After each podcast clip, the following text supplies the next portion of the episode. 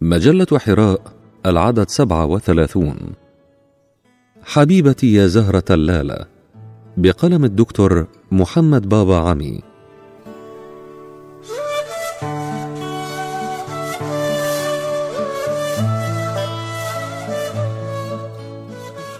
أنا لا أعرف حقيقتك ولا أدرك كنهك فلقد كنت ولما أكن وستبقين بعد رحيلي. في رقتك يا عزيزتي معاني الفتوة وفي ألوانك دلائل الأخوة. فيك التحم الجمال بالخيال وفي توجهك إمارات القرب من خالقك والسؤال. ومن عجب أن عيد ميلادك هو ذات عيد ميلادي. لكن شتان بين عيد وعيد إذ بينما أنت تشبهين العمامة على رأس الأمراء والعلماء أنا لا أشبه إلا نفسي. ولا أتمرغ إلا في ضحضاحي. فلا كنت من صنف الأمراء ولا انتظمت بين سلك العلماء. أنت يا حبيبتي أميرة على الأمراء وأنت تفوقين في الشأو كثيرا من العلماء. أنت يد مبسوطة نحو السماء تستمطرين البهاء فتنالين منه الحظ الأوفر وتستقين الوصال فتحظين منه بالمكان الأخطر.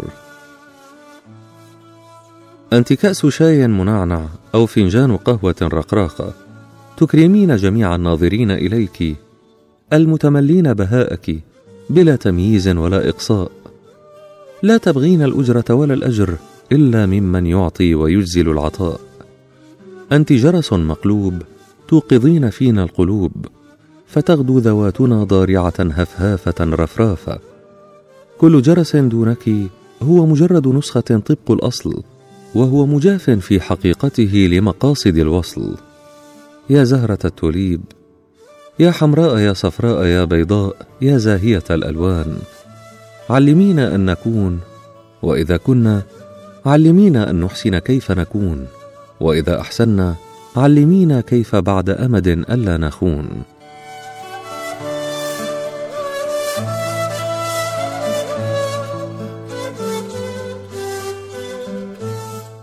علمينا كما أنت أن تكون لنا حياتان.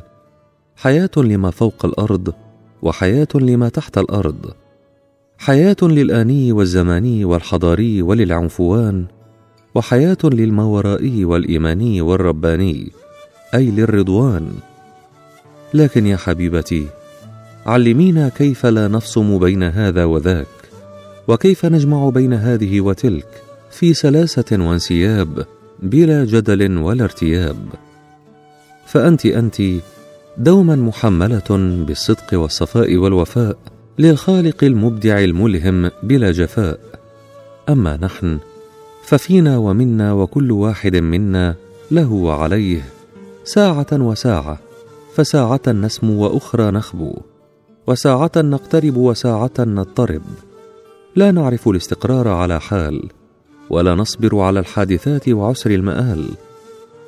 يا زهرة معطاء ويا ربيبة الكرماء يا من أدمت السجود والقعود والقيام بك الدنيا تشبهت ومثلك الأعمار قصرت.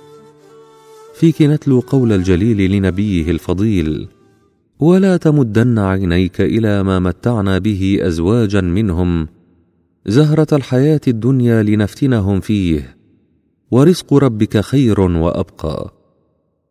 فما عابك الله سبحانه ولا شانك لكنه تعالى شأنه جعلك أمارة لنا فأديت ما عليك خير الأداء. إذ كلما جفت قلوبنا وطغت ذواتنا وطفت أنانيتنا وكلما أملنا في الدنيا واطمأننا إلى الفانيات وظننا أنا سنخلد ابدا كلما ظلمنا وتجبرنا وغفلنا ونسينا وجحدنا وكفرنا كلما كان منا ذلك أو بعض من ذلك وقفت لنا بالمرصاد في لطف تذكرين وتهددين. يا هذا انظر إلي وتملى جمالي فهل تدعي أنك بلغته؟ وهل تقدر أن تنافسني فيه؟ ثم انظر إلى قصر عمري وإلى هرولة أيامي وجهة الإمحاء. تذكر واعتبر واعمل وجاهد ثم اصبر وثابر.